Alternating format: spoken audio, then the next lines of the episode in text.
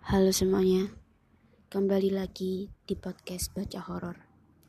Kali ini podcast baca horor akan membacakan cerita dari Simple Man at Simple M 81378523. Sekarang malam Jumat Kliwon. Kalau mengingat malam Jumat Kliwon, saya jadi ingat salah satu peristiwa yang dulu pernah menggemparkan daerah tempat saya tinggal. Tentang kodam hitam yang pasti dimiliki oleh setiap manusia.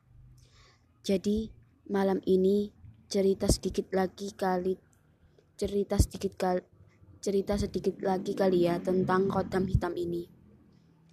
Kejadian ini terjadi saat saya masih duduk di bangku SD. Waktu itu, pagi hari, saya bersiap berangkat ke sekolah. Jarak antara rumah ke sekolah itu cukup lumayan. Ditambah saya jalan kaki. Gak punya sepeda karena tahun segitu sepeda masih menjadi barang yang mewah. Gak semua punya. Ada dua jalur yang bisa ditempuh jalur jalan raya atau jalan menyusuri sungai. Kalau saya lewat jalur jalan kalau saya lewat jalur jalur jalan raya, saya harus siap tenaga dan waktu lebih karena jalannya yang memutar. Berbeda kalau saya menempuh jalur sungai, lebih cepat karena langsung ke arah jalan sekolah. Hanya saja yang perlu diketahui bila memilih jalur sungai, maka kita harus siap melewati kuburan desa. Bagi anak seusia saya waktu itu, tentu kuburan adalah tempat yang paling dihindari. Karena kita-kita, bocah ingusan masih percaya dengan hal-hal menakutkan yang ada di kuburan.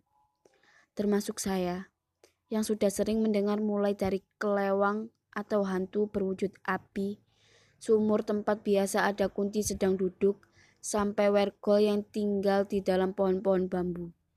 Tapi waktu itu entah saya sedang memikirkan apa, saya memilih melewati jalur menyusuri sungai.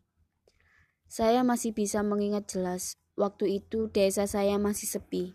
Satu rumah ke rumah lain berjarak cukup jauh. Bahkan satu RT bisa dihitung beberapa kepala keluarga yang tinggal.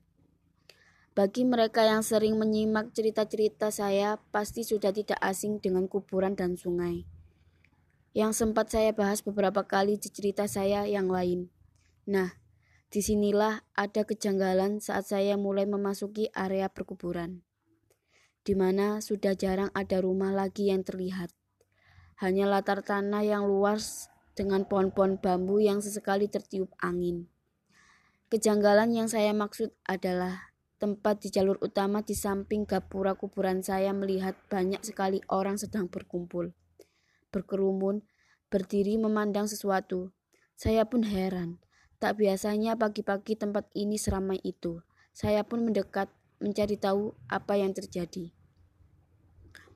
Dari ekspresi mereka saya bisa menilai ada raut heran, ngeri, serta penasaran ter tergambar jelas di wajah. Saya pun nekat menyusup di antara kerumunan orang tersebut. Melihat apa yang sedang mereka saksikan di kuburan ini, sampai langkah saya terhenti ketika memandang pohon randu. Di atas pohon randu yang tinggi besar, saya melihat dengan mata kepala sendiri seseorang seorang pria tua tergantung dengan tubuh melayang-layang. Itu adalah kali pertama bagi saya melihat seseorang mengakhiri hidupnya dengan cara gantung diri. Apalagi saya mengenal pria tua tersebut. Rasanya campur aduk, bingung bagaimana saya harus bereaksi waktu itu. Lalu ada seorang tetangga yang, menda yang mendapati kehadiran saya. Beliau pun menarik tubuh saya, menutupi mata sebelum membawa saya menjauhi tempat tersebut. Saya pun menurut. Saat kepe saat kepergian saya dari tempat itulah, saya sempat mendengar seorang ibu-ibu yang sedang berbicara satu sama lain. Mereka menyebut tentang malam ini adalah malam Jumat Kliwon. Sial. Tebet tiba-tiba hujan deras lagi.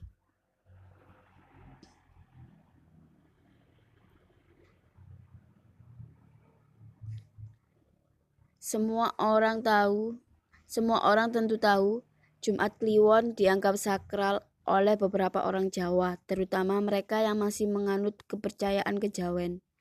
Kebetulan, kebetulan waktu itu desa saya masih dikenal sebagai desa Wingit, desa di mana kepercayaan seperti itu masih begitu kental. Saya masih mengingat dengan jelas, setelah penemuan gantung diri tersebut, banyak warga yang mulai gempar saling berbisik satu sama lain. Siapa saja selain keluarga yang mau atau bersedia menjaga makam selama tujuh hari ahli mayit di kuburan. Tentu saja banyak yang menolak dengan berbagai alasan, mulai dari kesehatan, anak yang masih kecil, sampai alasan yang mengada-ngada. Setelah dilakukan perembungan bersama, akhirnya terkumpullah dua pemuda dengan Pak RT beserta satu anggota keluarga yang bersedia pada malam pertama.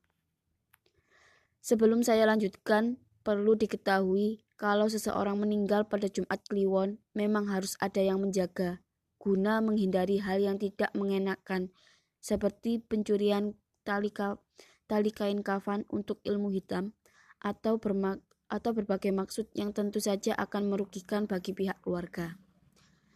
Malam itu benar-benar terasa berbeda dari malam sebelumnya. Angin berhembus lebih dingin. Tidak ada suara binatang malam sama sekali. Sampai firasat yang tidak mengenakan sejak berada di dalam rumah. Hal itu tentu membuat semua orang mulai ragu apakah mereka tetap harus pergi. Salah seorang dari dua pemuda yang mendapat tugas tersebut sebut saja Gogon. Beliau sebenarnya ingin menolak saat itu, namun salah satu anggota keluarga almarhum adalah sahabat karibnya sehingga dengan terpaksa dirinya mengiyakan ajakan sahabatnya itu. Seharian, Gogon tidak bisa tidur. Ia mengurung diri di dalam rumahnya. Ada alasan kenapa Gogon sampai hati memikirkan hal ini. Karena yang dia juga bukan sembarang mayit, melainkan mayit yang meninggal karena bunuh diri. Hal ini tentu saja membuat dirinya merasa was-was. Kematian yang buruk biasanya membawa bala atau bencana. Namun, Gogon tak bisa berbuat apa-apa. Ia sudah mewanti-wanti dirinya bila ia hanya ikut untuk menjaga satu malam sebagai ganti rugi rasa tidak enaknya kepada sahabat karibnya yang sedang berduka. Tanpa terasa, malam sudah tiba. Gogon masih menunggu di dalam rumah. Pak RT sendiri sudah menjelaskan nanti yang berjaga akan beliau jemput satu persatu.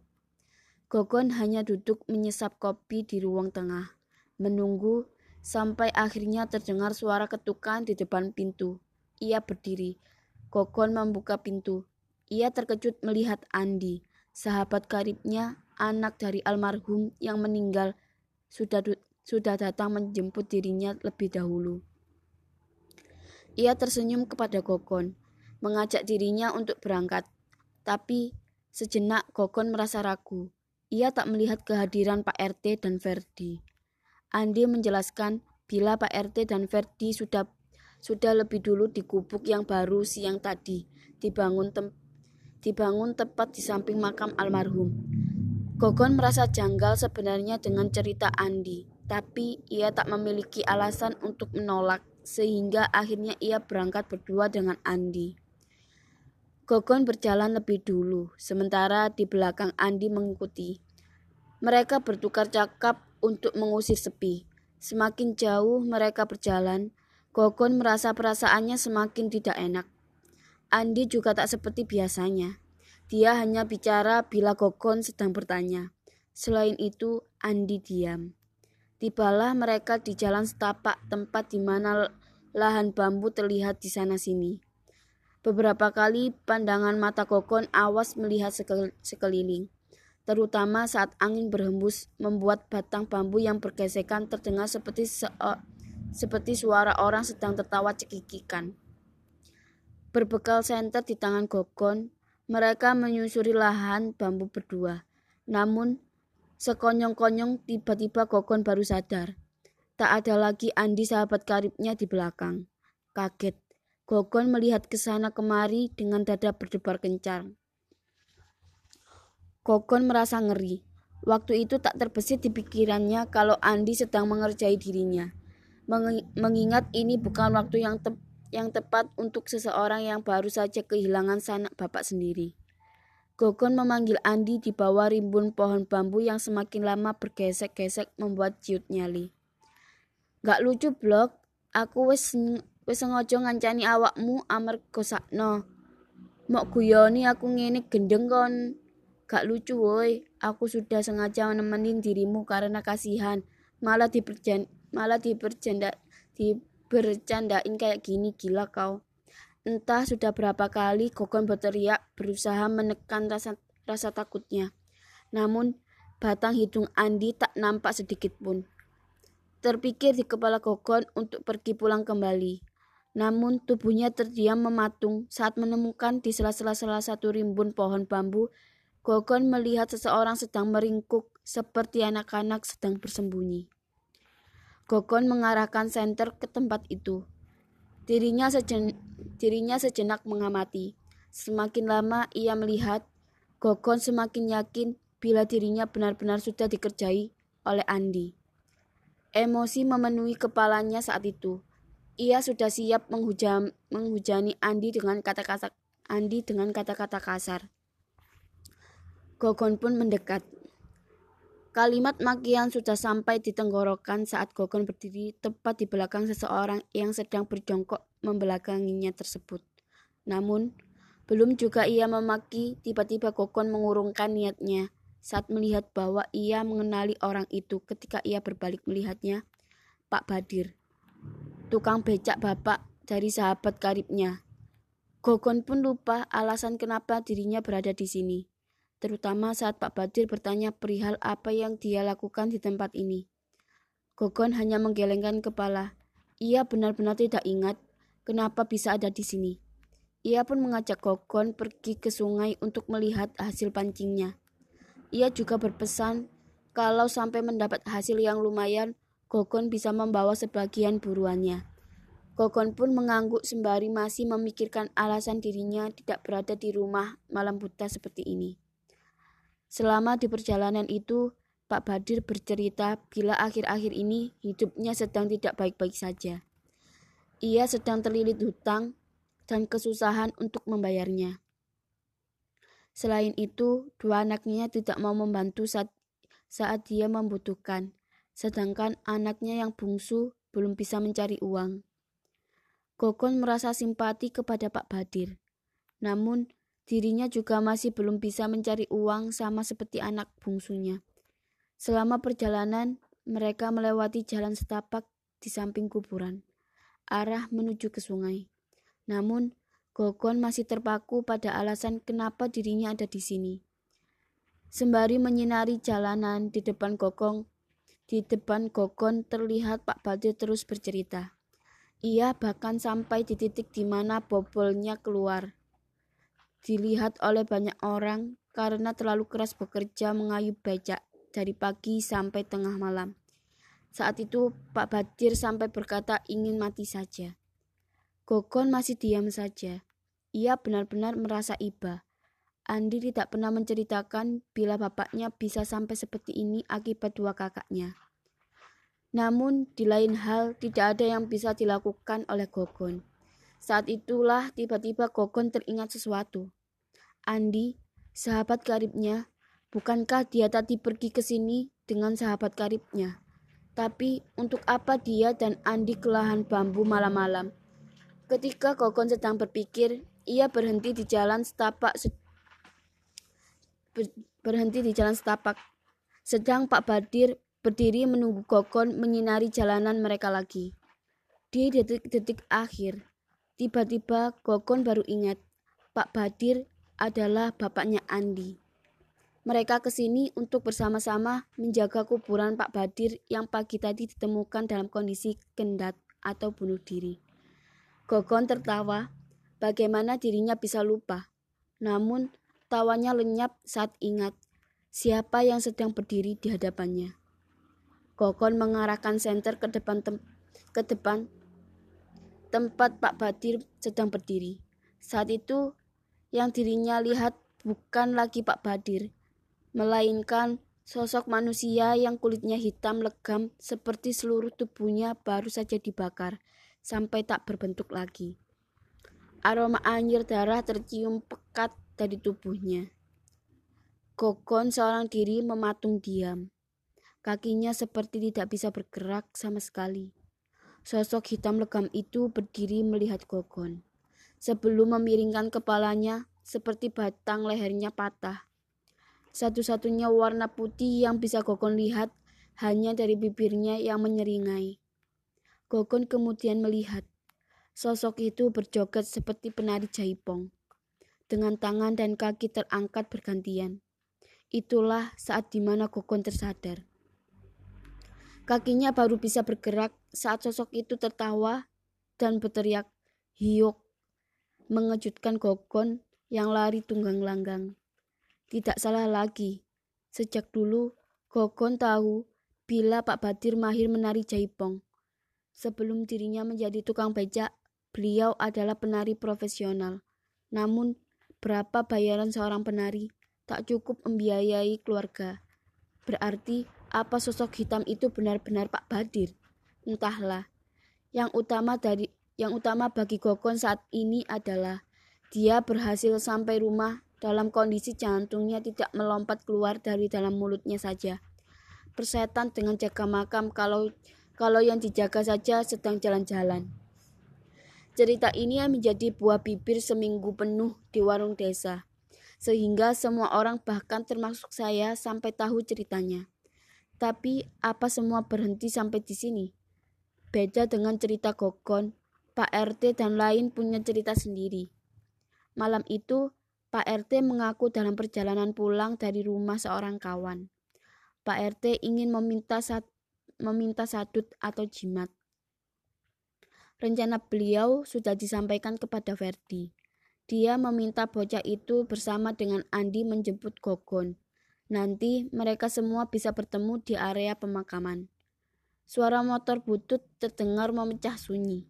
Jam masih menunjukkan pukul 9 malam, tapi jalanan sudah sudah sepi, tak ada orang sama sekali. Ditambah kiri kanan hanya ada barongan atau tanah kosong bersemak. Di sepanjang jalan, Pak RT merasa tidak nyaman, namun ia memaksakan diri. Meski sebenarnya enggan, tapi warga sudah mempercayakan dirinya sebagai ketua RT. Bisa malu dia bila menolak bila menolak menolong warga yang sedang kesusahan. Ia akhirnya berkelok memilih rute paling dekat dengan makam.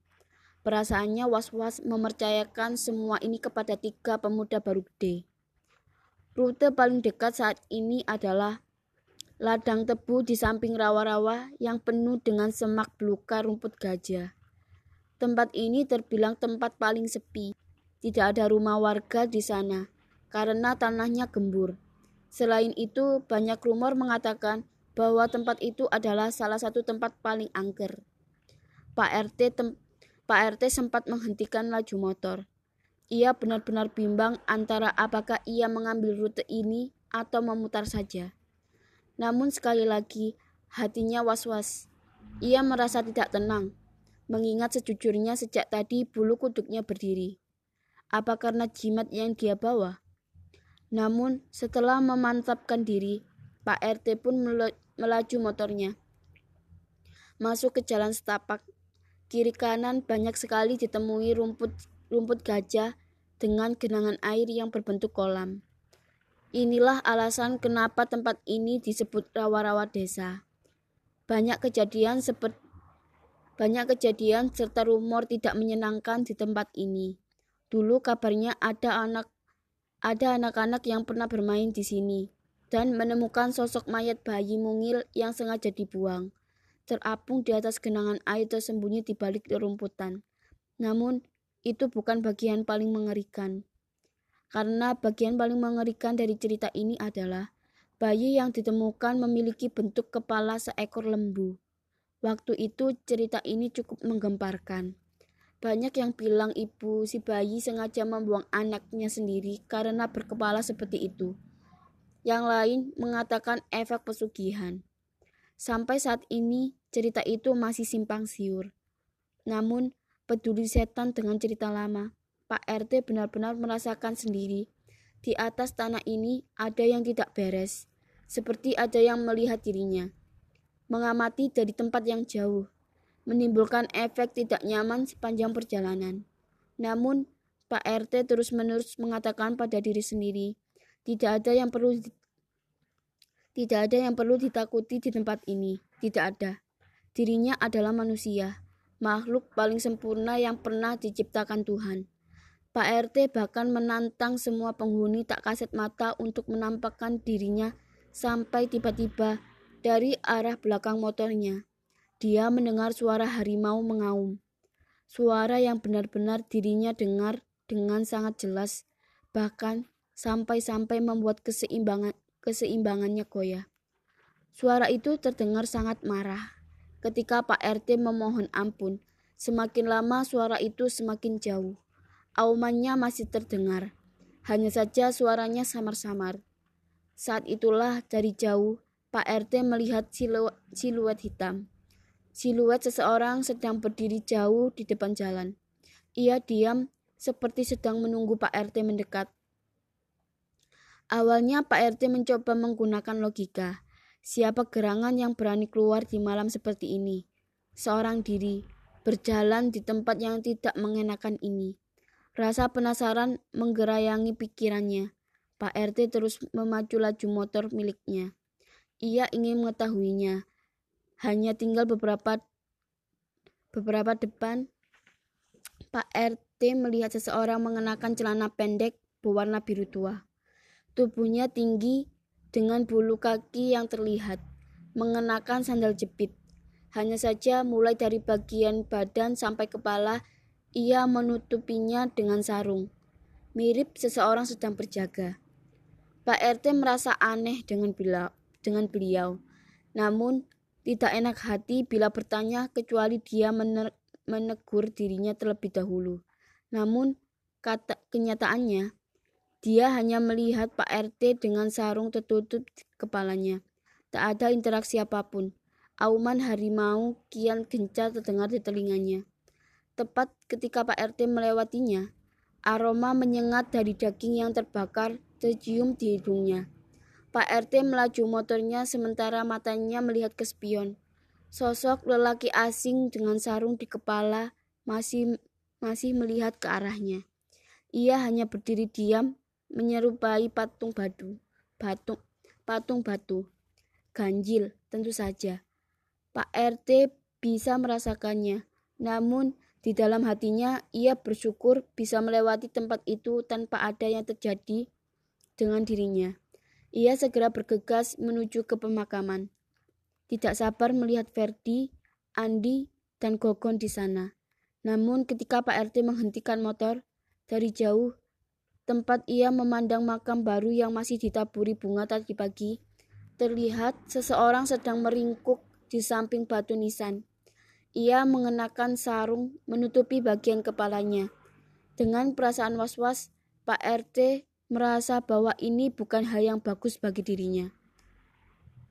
Pak RT melihat sekeliling. Di samping tampak tampak gubuk sementara dibangun tak terlihat tiga pemuda yang diajari.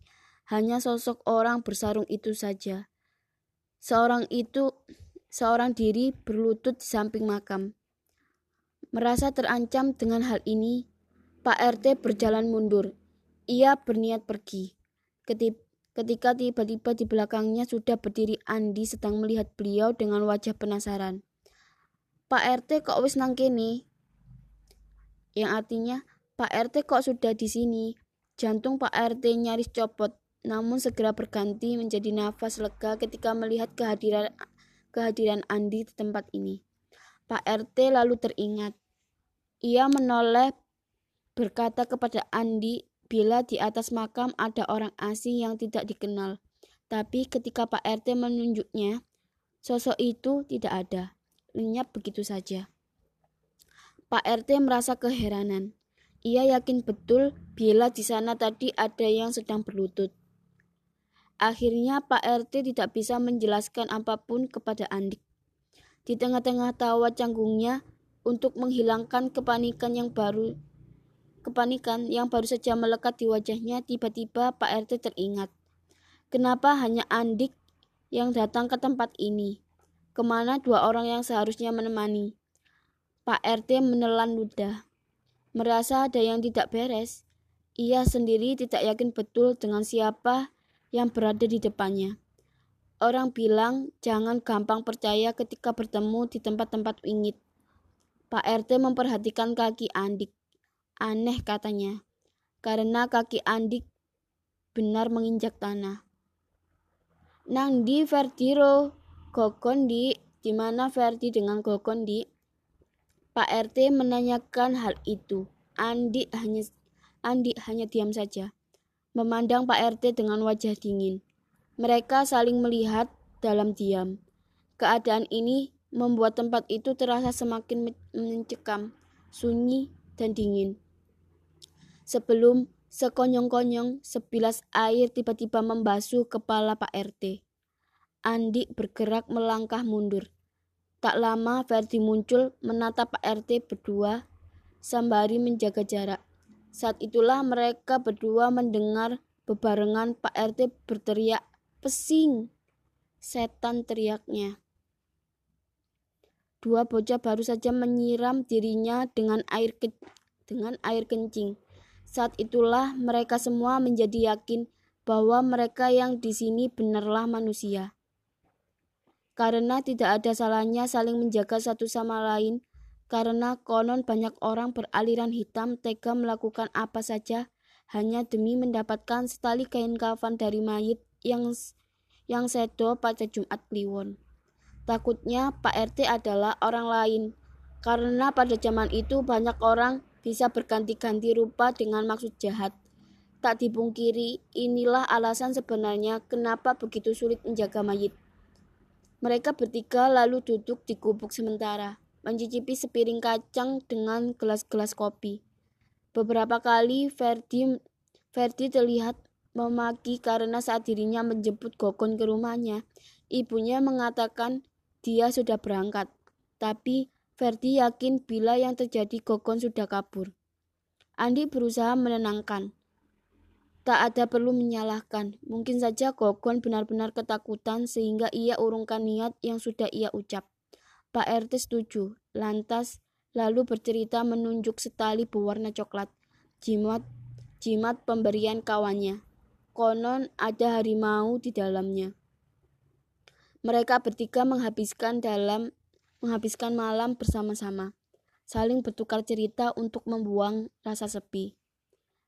Sementara kabut mulai menyelimuti tempat ini. Saat saat tiba-tiba Ferdi mengatakan bahwa ia ingin membuang air besar di sungai, ia meminta Andi mengantarnya.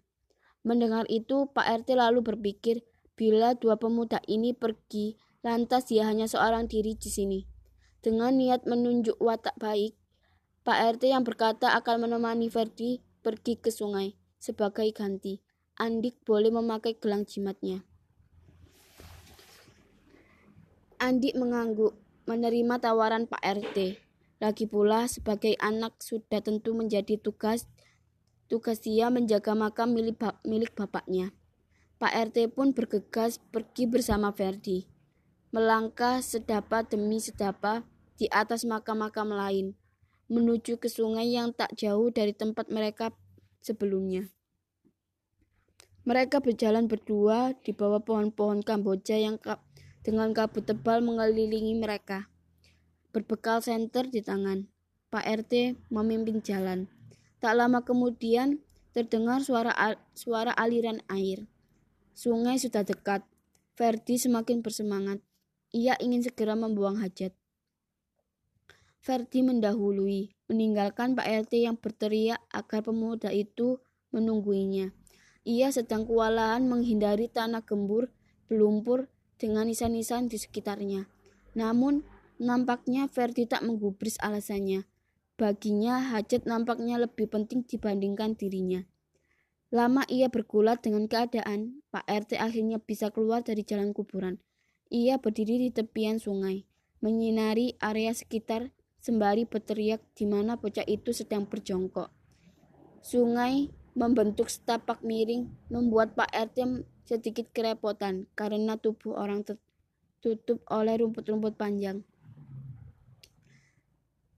Pak RT tak juga mendapat jawaban. Ia masih menyinari area sekitar sebelum pandangan matanya menangkap tangan melambai tak jauh dari tempatnya. Pak RT merasa lega. Rupanya di sana Verdi berada. Ia mendekat sebelum duduk di atasnya. Tak terli tak dilihatnya Verdi. Di sana Pak RT duduk bersila sembari matanya mengawasi sekitar. Tiba-tiba tak jauh dari tempatnya terdengar suara berkecimpung air. Niat usil Pak RT muncul. Ia ingin mengerjai Verdi. Pak RT lalu bercerita, bila konon di sungai ini tinggallah Weltok, hantu dengan wujud anak kecil. Saat malam tiba, Weltok biasa muncul, menampakkan diri di sungai-sungai kecil, bermain-main layaknya anak-anak mereka sangat menyukai ikan. Tak jarang ikan-ikan ini yang sering kali menjadi tujuan. Namun, Weltok sangat membenci kehadiran manusia. Untuk itu, saat melihat Weltok, disarankan untuk bersembunyi, tidak bersuara, lalu meninggalkan mereka karena bila sampai Weltok mengetahui kehadiran manusia, mereka akan memanggil. Siapa pun yang sudah dipanggil tidak dapat mengelak dari mereka. Lalu mereka akan berhitung, menghitung ikan hasil tangkapan mereka. Ia akan menghitung siji, loro, telu, papat, dan seterusnya sampai ikan yang mereka tangkap habis. Bila ikan bila ikan sudah habis, tepat di giliran si manusia, Walter yang berwujud anak-anak akan melihat manusia dengan wajah ratanya. Lalu setiap malam mereka akan datang ke rumah menemani. Setelah menceritakan itu, Pak RT lalu tertawa terbahak-bahak. Ia sempat memukul tangan Verdi yang menyentuh keriuk bambu tempat orang membuang hajat di sungai. Namun aneh, Verdi tak mengatakan apa pun kepada Pak RT. Menjawab pun tidak. Hal itu membuat pria paruh baya itu penasaran. Pak RT menyalakan senter, mengarahkannya ke kiri kanan jalan, memastikan tidak ada siapa pun di tempat ini. Lalu dalam kepalanya ia berniat mengarahkan senter ke arah sungai tempat Verdi sekarang membuang hajat. Meski tidak sopan, ia harus memastikan bahwa yang dia jaga benar Verdi.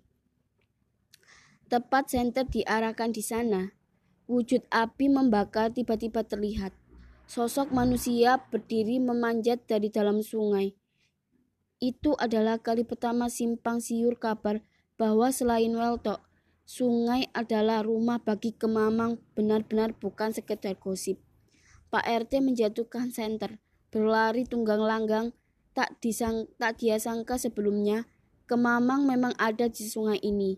Ia pikir hanya rumor belaka, bila buang hajat malam bila buang hajat malam buta akan sambang kemam, kemamang datang. Ketika berlari di bawah pohon mangga, Pak RT melihat Verdi memasang celana. Namun peduli setan, biar Verdi saja yang menemui kemamang karena semua orang tahu makhluk itu bisa mengejar sampai dapat. Verdi hanya terheran-heran melihat Pak RT pergi. Ia pikir Pak tua itu sedang kembali ke tempat Andik yang sedang berjaga sendiri. Verdi pun menyusul. Verdi tak melihat ada ada yang salah. Sepanjang jalan di kegelapan tanah kuburan ia berjalan seorang diri. Tiba-tiba langkahnya terhenti ketika dia mendengar suara seseorang sedang bersiul. Verdi berhenti sebentar, mencari dari mana sumber suara itu. Verdi terdiam menatap pohon beringin. Di bawah pohon beringin ada satu besar bekas pondasi. Seseorang yang wajahnya tak asing bagi Verdi sedang duduk dengan tongkat kayu di tangannya. Dia memanggil Verdi, melambai-lambaikan tangannya, memanggil bocah itu dengan wajah bingung, masih mencoba mengingat-ingat. Ketika jarak mereka hanya terpaut beberapa langkah dari ing beberapa langkah, baru ingatlah Verdi dengan Pak Badir. Beliau menepuk batu di sampingnya, meminta Verdi untuk duduk. Bocah itu menurut menurut saja, karena memang Pak Badir Pak Badir biasa menjadi juru kunci makam. Bertemu dengannya di sini bukanlah sesuatu yang aneh. Hanya saja ada bagian di dalam dirinya yang seperti melupakan detil kecil yang mengganjal hatinya. Apa kenapa entah. Ferdi duduk di samping Pak Badir yang lalu bercerita kepadanya. Bila malam-malam ini bila malam-malam di sini itu enak. Tempat ini tempat yang bagus untuk menenangkan diri. Ferdi mengangguk. Ia lalu memberitahu Ferdi bahwa sudah lama dirinya mengidap sakit. Tak ada satu orang pun yang tahu bahwa istri dan semua anak-anaknya. Dia menyimpan sakit ini seorang diri. Ferdi yang mendengarkan kaget lantas dan bertanya kenapa tidak diceritakan saja. Semua harus tahu. Pak Badir menolak. Beberapa hari yang lalu dirinya dibuat sakit hati oleh kedua oleh kedua kakak Andi yang sudah berkeluarga. Saat mereka tak ada uang untuk makan, satu pun tidak ada yang mau membantu mereka. Ditambah Andik Andik belum mendapatkan kerja setelah setengah setengah penuh menganggur setelah setahun penuh menganggur. Membuat Pak Badir terus kepikiran. Rasanya dirinya tak elok terus-menerus membuat semua orang susah. Terpikir di kepalanya ia ingin mengakhiri, hidup, mengakhiri hidupnya. Mungkin dengan begitu beban Andik dan ibunya sedikit terangkat. Sebagai tukang sayur, ibunya mungkin bisa menghidupi Andik. Ferdi hanya mengangguk. Ia bingung bagaimana menghibur pria pria tua yang sering kali menemaninya bermain catur di warung Mbok Jum. Tapi setelah mengingat-ingat soal mati, tiba-tiba Ferdi teringat. Untuk apa dirinya ada di kuburan bersama Pak Badir? Ferdi, Ferdi melihat wajah Pak Badir. Pria tua itu melihatnya dengan wajah memelas. Sebelum akhirnya Ferdi ingat bila di sini ada Andik. Dia ada di gubuk sementara bersama dengan Pak RT sedang berjaga makam bab sedang ber, sedang menjaga makam Pak Badir. Tiba-tiba Fedri terdiam. Ia memalingkan wajah dari Pak Badir. Jantungnya tiba-tiba berdegup kencang. Ferdi hanya diam, duduk sembari melihat ke depan. Di atas nisan-nisan kuburan, Pak Badir juga tak lagi bicara dengan dirinya. Ferdi ingin melompat lalu berlari, namun entah kenapa tulang kakinya tak bisa diajak kerjasama. Saat itulah tangan Pak Badir merangkul pundak Ferdi. Bila pernah mencium aroma daging pang daging panggang yang berbau pekat, itulah aroma yang Ferdi cium. Tangannya hitam legam dengan luka parah basah yang menjorok yang menjorok berwarna kemerah-merahan. Ferdi hanya diam, Sesekali memejamkan mata. Ia ingin menutup hidung, namun sarafnya mati rasa. Dengan berat, Fardi menoleh, memutar leher untuk melihat sosok Pak Badir yang ada di sampingnya. Rupanya beliau sudah melihat ke arahnya. Ia sudah men ia sudah mengenakan kain kafan dengan satu tangan teronggok keluar. Wajahnya hitam legam, hancur. Dengan mata kosong ia memandangi Ferdi lekat-lekat. Tak membuang waktu, Ferdi melompat. Ia berlari pergi melompati setiap nisan yang dia lihat. Tak dihiraukan apa yang sedang berdiri menatapnya dari jauh. Pak Badir menunjuk Pak Badir menunjukkan wujud pocong yang tak pernah dirinya duga sebelumnya. Segala semak belukar di segala semak belukar ia terabas, yang penting dirinya selamat. Di bawah gubuk sementara, Ferdi melihat Andi ia jelaskan segala yang dirinya lihat. Namun, bocah itu tak sedikit pun merasa takut. Mula-mula ia bercerita, bila Pak RT sudah lama lewat. Ia bilang tak sanggup untuk melanjutkan tugas menjaga malam.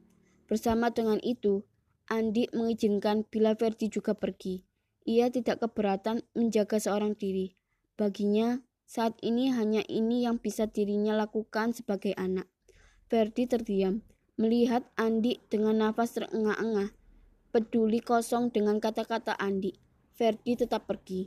Ia belum pernah melihat wujud semengerikan itu, hanya dari cerita-cerita orang. Ia bahkan penakut, namun tak kalah ke, tak kalah ketika melihat langsung, ciutlah nyali yang sudah lama dipupuk. Bila memang Andi mau tetap di sini, dia akan tetap pergi sebelum Andi memberi Ferdi sesuatu. Ia sakukan gelang yang diberi oleh Pak RT tadi. Katanya, esok pagi ke sinilah dengan beliau, jemput dirinya. Karena sejak tadi, di belakang pohon besar tak jauh dari tempat mereka sudah ada yang mengamati mereka. Ferdi menoleh. Melihat kepala pocong mengintip dari sana. Ferdi pun pergi. Andi hanya duduk diam, melihat ke arah makam. Dari jauh terdengar langkah kaki seseorang. Langkah kaki yang pernah dirinya kenal. Sosok itu mendekat lalu duduk di sampingnya. Tak lama, Andik berkata kepadanya, Maafin Andik, Pak. Andik kangen. Itulah kali terakhir Verdi menceritakan semua ini kepada warga desa, termasuk mengutuk Pak RT yang pergi lebih dulu meninggalkan mereka hanya karena nampak kemamang usil yang muncul dari dalam sungai. Gono juga mengiyakan bahwa Pak Badir memang gentayangan, menceritakan segala aibnya, hingga membuat semua keluarga Andi menanggung rasa malu terutama kepada kakaknya.